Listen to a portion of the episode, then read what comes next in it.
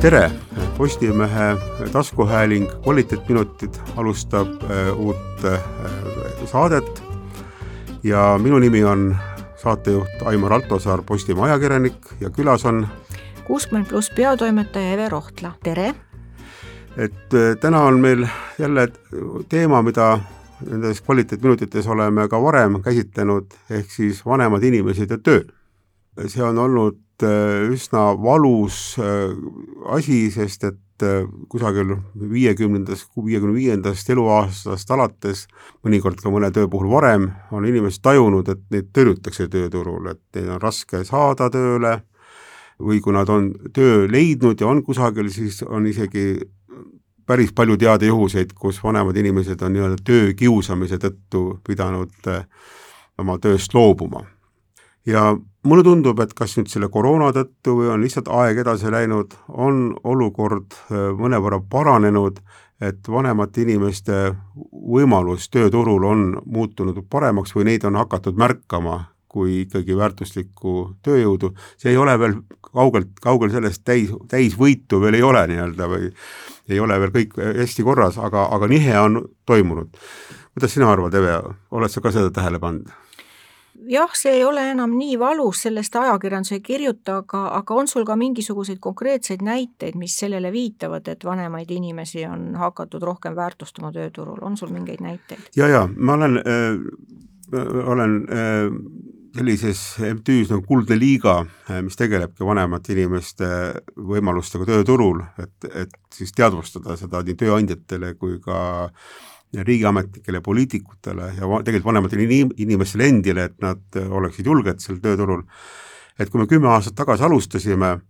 siis oli üsna tavaline, et et kui sa oled üle viiekümne aasta vana, eriti veel naisterahvas, siis on peaaegu võimatu kusagile nii-öelda konkursitel või konkureerida, sa ei saa isegi vastust, et kümned, sa võid kümnete viisi saata oma CV-sid ja taotlusi ja ole sa, kes sa oled olnud, kedagi ei huvita. Sinu isiksusomadused, sinu, sinu huvid ja, ja tavaliselt jäetakse need vastuseta. siis nüüd viimastel aastatel ja ka juba sel aastal olen märganud, et olukord on paranenud, et neid inimesi kutsutakse juba ka vestlustele vastatakse, no võib-olla on ka siin töövahendus ja tööpersonaliotsingute büroode töökultuur paranenud, aga ka inimesed on saanud tööle ja, ja selline hoiak, kui nüüd käia ka suurte firmade personaliosakondadega suhelda, suheldes, siis kõik noh, nii, ma ei ole muidugi kõigiga rääkinud, aga ma olen mitmetega rääkinud, kõik ütlevad, et nende jaoks on see vanem inimene ikka muutunud väga oluliseks ressursiks, et sellega tegeletakse teadlikult et see on juba noh, mingisugune muutus on toimunud. et kas see nüüd kohe teo, toob nagu noh, kui suurt edu ja et probleemid on kohe nagu lahenemas, seda ma ka muidugi ei usu, aga, aga ma väidan, et et ühiskonna vananemine kui selline objektiivne protsess on hakanud jõudma nagu teadvusesse kõigile, nii vanematele kui ka noortele ja, ja tööturul ehk aja jooksul ikkagi need võimalused ka võrdsustuvad. vaat ei tea nüüd, miks see muutus tekkinud on, kas sellepärast, et Eestis räägitakse järjest rohkem ealisest ebavõrdsusest, vanuselise, vanusega diskrimineerimist ette tulevatest probleemidest, et noh, need personaliosakonnad pelgavad ehk niisuguseid vaidlusi, võib-olla neid vaidlusi on ka juba ette tulnud ja kohtulahendeid, millest võib-olla ei ole väga palju räägitud, et kas on see seoses nüüd sellega või siis tõepoolest on nagu nooremad inimesed läinud palju parematele jahimaadele ja, ja, ja need neid inimesi, mida või keda on vaja nagu firmadel, ei olegi suurt mujalt võtta, et tööjõupuudus on nii suur, et lihtsalt ole, ollakse sunnitud vanemate inimeste poole pöörduma. Või mis oleks nagu kõige meeldivam, on see, et on hin-, osatud hinnata elukogenud inimese tööpanust ja oskusi seal tööturul, et, et tema pühendumust, kõike seda, et ta ei torma kella kukkudes minema kuskile, et tal on palju rohkem aega, tal on aega süveneda, ta võtab seda tööd hoopis suurema südamega, ta ei kiirusta ööklubisse õhtul ega, ega oma mingisuguse paarilisega kohtuma, et see kõik on nagu läbitud etapp, ta täitsa kohe mõnuga võtab nüüd seda töökultuuri. et me kõik nagu elame ju oma elus hoopis erinevaid etappe läbi, et kui see oleks, see oleks nagu kõige toredam, kui, kui personaliosakonnad ja tööandjad oskavad seda järjest rohkem hinnata. sest vahepeal oli ju väga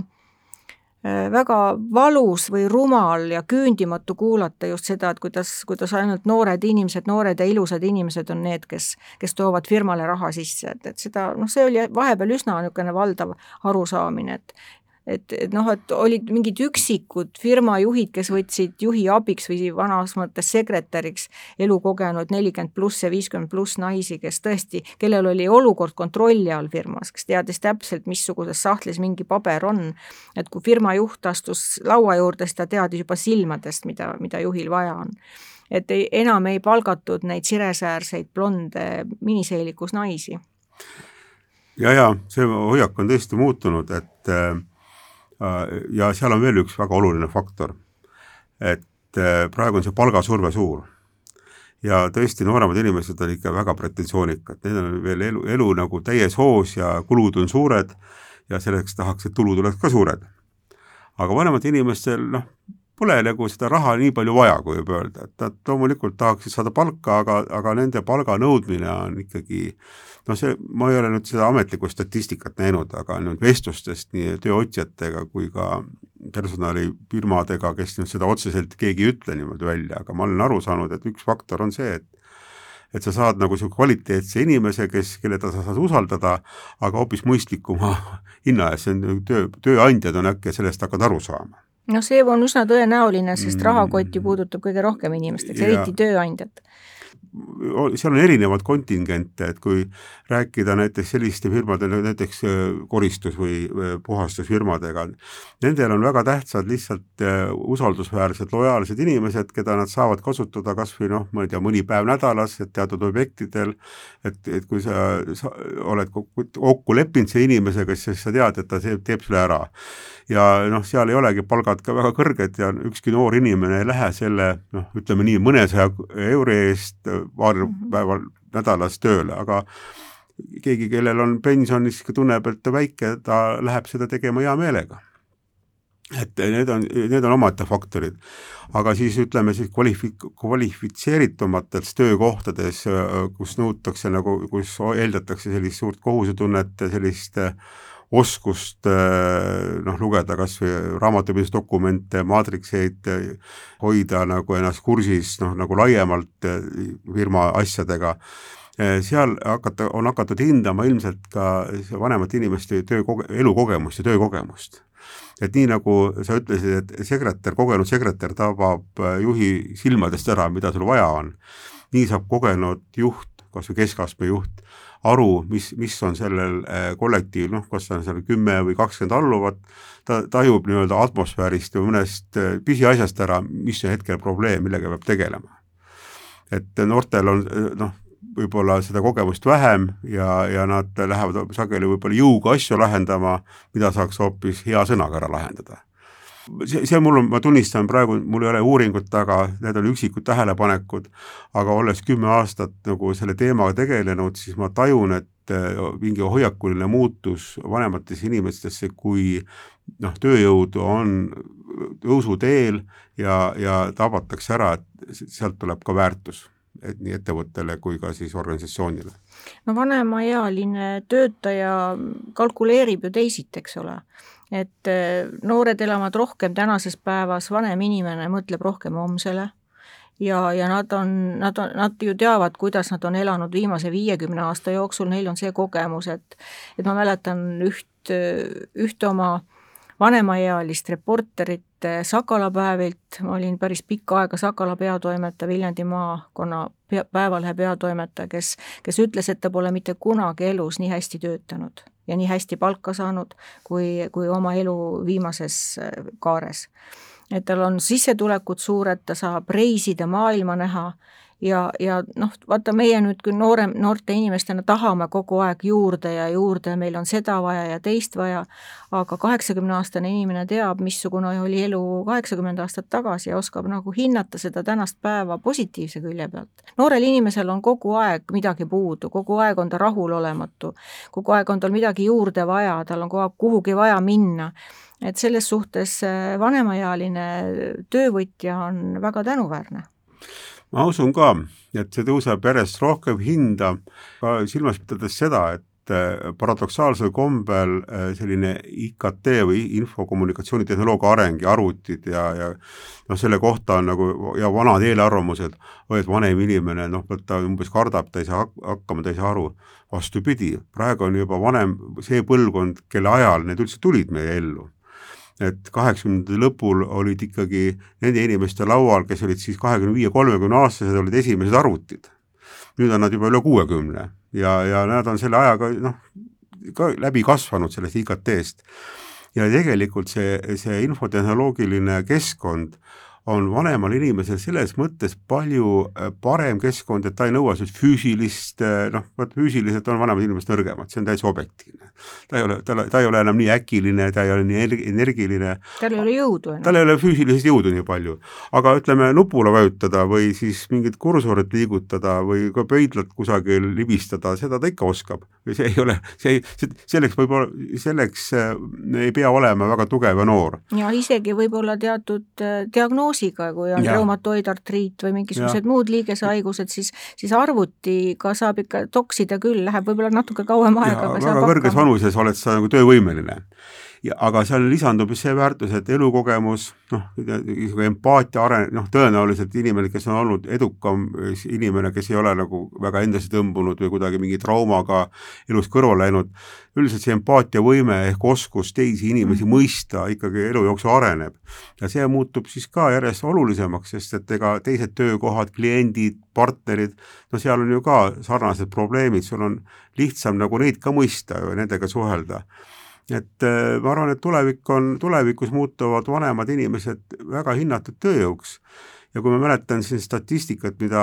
tehti siin üheksakümne, vabandust, kahe tuhande kümnenda aasta alguses, kui me vanemate inimeste tööjõuga hakkasime tegelema, äh, siis Põhjamaades ja Lääne-Euroopas on kõige kõrgem palga sissetuleku tase palgatöötajatel ongi kusagil viiskümmend viis, kuuskümmend, see on, inimesed on oma võimete tipul ja meil oli siis, see langes juba neljandate lõpul, neljakümnendate aastate lõpul järsult, et jah, meil tööhõive üle pole tegelikult selles mõttes probleemi Eestis, et vanemad inimesed ikka midagi teevad, nad teevad madalapalgalist, madala kvalifikatsiooniga tööd, aga, aga nüüd hakkab võib-olla ka meile jõudma see kohale, et et see kõige väärtuslikum aeg, kus noh, inimene on kolmkümmend, kolmkümmend viis aastat olnud tööl, ta on ennast äh, nii-öelda ise kvalifitseerinud hästi kõrgele tasemele, tal on nagu oskused ja teadmised ja ka noh, niisugune motivatsioon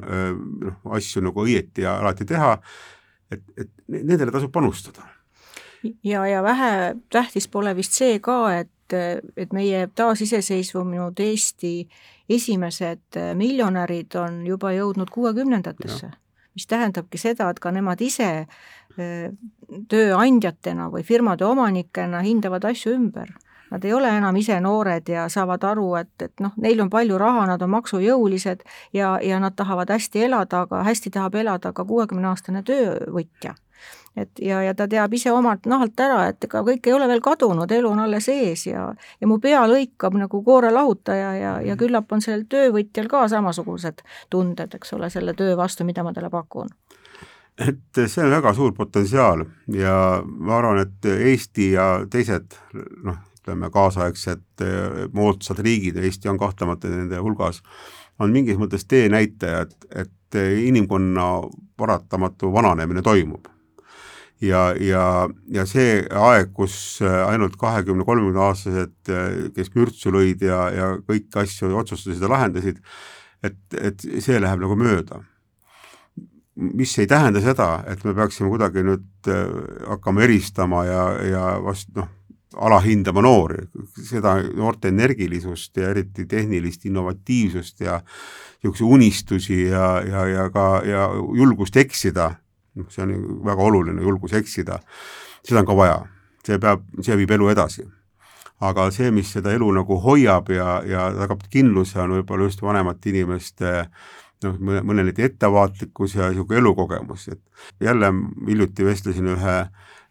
personalijuhiga suures firmas, kes ütles, et nad on nagu päris teadlikult hakanud nüüd nagu nii-öelda kujundama oma, oma personali, et et meil oleks vanu ja natuke vanu ja keskealisi ja natuke noori ja väga noori, kõiki oleks. see on väga tark, sest et, sest et kui sa panustad ainult noortele, kes iga kahe aasta tagant tulevad sul uksest sisse ja ütlevad, et ma ei taha enam siin töötada, mul on siin igav, ma tahan kuhugi mujale minna mm, -hmm. siis on ju tore, kui mingi üks kolmandik või natukene rohkem on sul seal vanemaealisi inimesi, kes hindavad stabiilsust, stabiilsust ja ei torma kogu aeg jälle uusi, uusi huvitavaid eh, jahimaid eh, vaatama. ja, ja samas ma kujutan ette, et kõige parem ajalehetoimetus on samasugune, kus on igas eas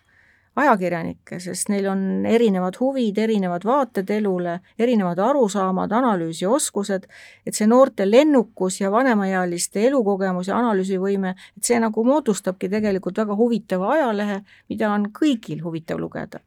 et vahepeal oli ju siin ka see tunne, kus, kus ajalehetoimetused koosnesid ainult imikreporteritest, kui ta ja, ja, ja poliitika koosnes imikpoliitikutest. et õnneks on nüüd nagu need ajad ka ütleme täiesti teistes mm. ühiskonna valdkondades muutunud, et juba hinnatakse ka vanemaealisi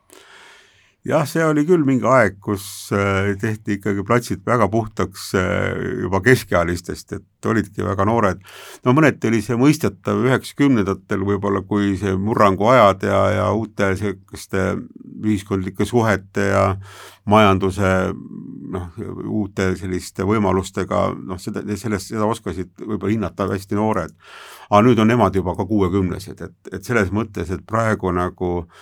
ainult ühes earühmas nagu näha endale niisugust kolleege ja, ja nendega püüda siis ühiskonda mõtestada, noh, ei ole enam võimalik, aga e, e, ega ma ei ütle, et see siis oli nagu ka väga hea, et eks siis tehti ka palju vigu seetõttu, et olid ainult noored, aga, aga noh, seda rumalam oleks tänapäeval, kui ühiskond on ju enam-vähem küpsenud ainult ühe eagrupiga, et üks asi on noored ja teine, kui ma nüüd seda teemat nagu arutan, et eriti nagu avalikus sektoris on mõnikord, mul on silma torganud, et, et sinna jõuab kusagil neljakümne aastane inimene jõuab niisuguse karjääri tipu lähedale. Ja siis, kui ta saab mingi asutuse juhiks või väga olulise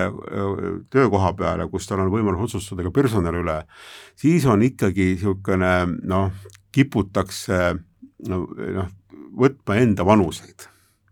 noh, vanuses siis nüüd, kui sa oled neljakümnene, siis kolmkümmend viis kuni ma ei tea, nelikümmend kaks, kolm, et nad oleksid kuidagi sulle nagu mõistetavad ja nendega nagu mugav nagu rääkida ja ka võib-olla ka mõnikord pärast tööd eh, koos aega veeta ja kannatavad nii üle viiekümne aastased, noh, kes jäävad nagu fookusest välja ja, ja kuni selleni, et halvematel juhtudel neid kiusatakse välja sealt töökohast või ka, ka alla kolmekümne aastased, alla kahekümne viie aastased, noh, need on ju siis nii-öelda tattinad, nendega ei taheta ka enam eriti tegeleda. ja, ja, ja selline ühes vanusekohordis liik-, liikumine võib-olla viie ja kümne aasta pärast laguneb see punt ära ja asemele jääb nagu tühi koht, et ei ole kogemusi ega ei ole noort energiat. see on, seda nimetatakse juhiks, kes ei oska laiemat pilti näha Just. ja raamist välja vaadata, aga selle kohta ju ringleb ju huvitav nali, et et noored, et noh, miks ma noort, noori ei taha, sellepärast sellepärast et äh, nad, neil ei ole elukogemust ja töökogemust, aga miks ma vanu ei taha, sest nad on ülekvalifitseeritud. nii et sellepärast tulebki võtta neljakümneaastased. ja, ja et, et kui siin natukene jah, äh, kerge kiiksuga arutamine, et kõige ohtlikum viga ongi neljakümne aastane, aga ma lohutan kõiki, et selle läheb üle, et püüdke, püüdke üle elada see aeg aga, aga täna me siis rääkisime vanemad inimesed ja töökoht ja võib-olla selles tänases arutelus oli meil ka teatud niisugune optimismi noot sees, et, et asjad ikkagi liiguvad vist enam-vähem õiges suunas, kuidas sa arvad? jah, ma tahaks küll loota, et, et ühiskonnas olulistel kohtadel olevad inimesed, on nad siis tööandjad või poliitikud või ametnikud, kõik, kes inimese heaolule peale vaatavad ja, ja on on kas tööalaselt sunnitud seda tegema, peavad tegema või lihtsalt tahaksid teha, oskaksid hinnata ka vanemaealist tööjõudu. sõna otseses mõttes, kes oskab raha lugeda, kes teab, mis on olnud äh, nelikümmend aastat tagasi Eesti tööturul, kes teab, mis töö on, kes on kohusetundlik ja kes on harjunud tööl käima nii et, et see on, see on nagu, see on nagu ainult väga hea, kui meie ühiskond selles suunas liigub. tänases, tänastes kvaliteediminutites rääkisid siis Eve Rohtla, kuuskümmend pluss peatoimetaja. Aimar Altosaar, Postimehe ajakirjanik, järgmiste kohtumisteni! kõike head!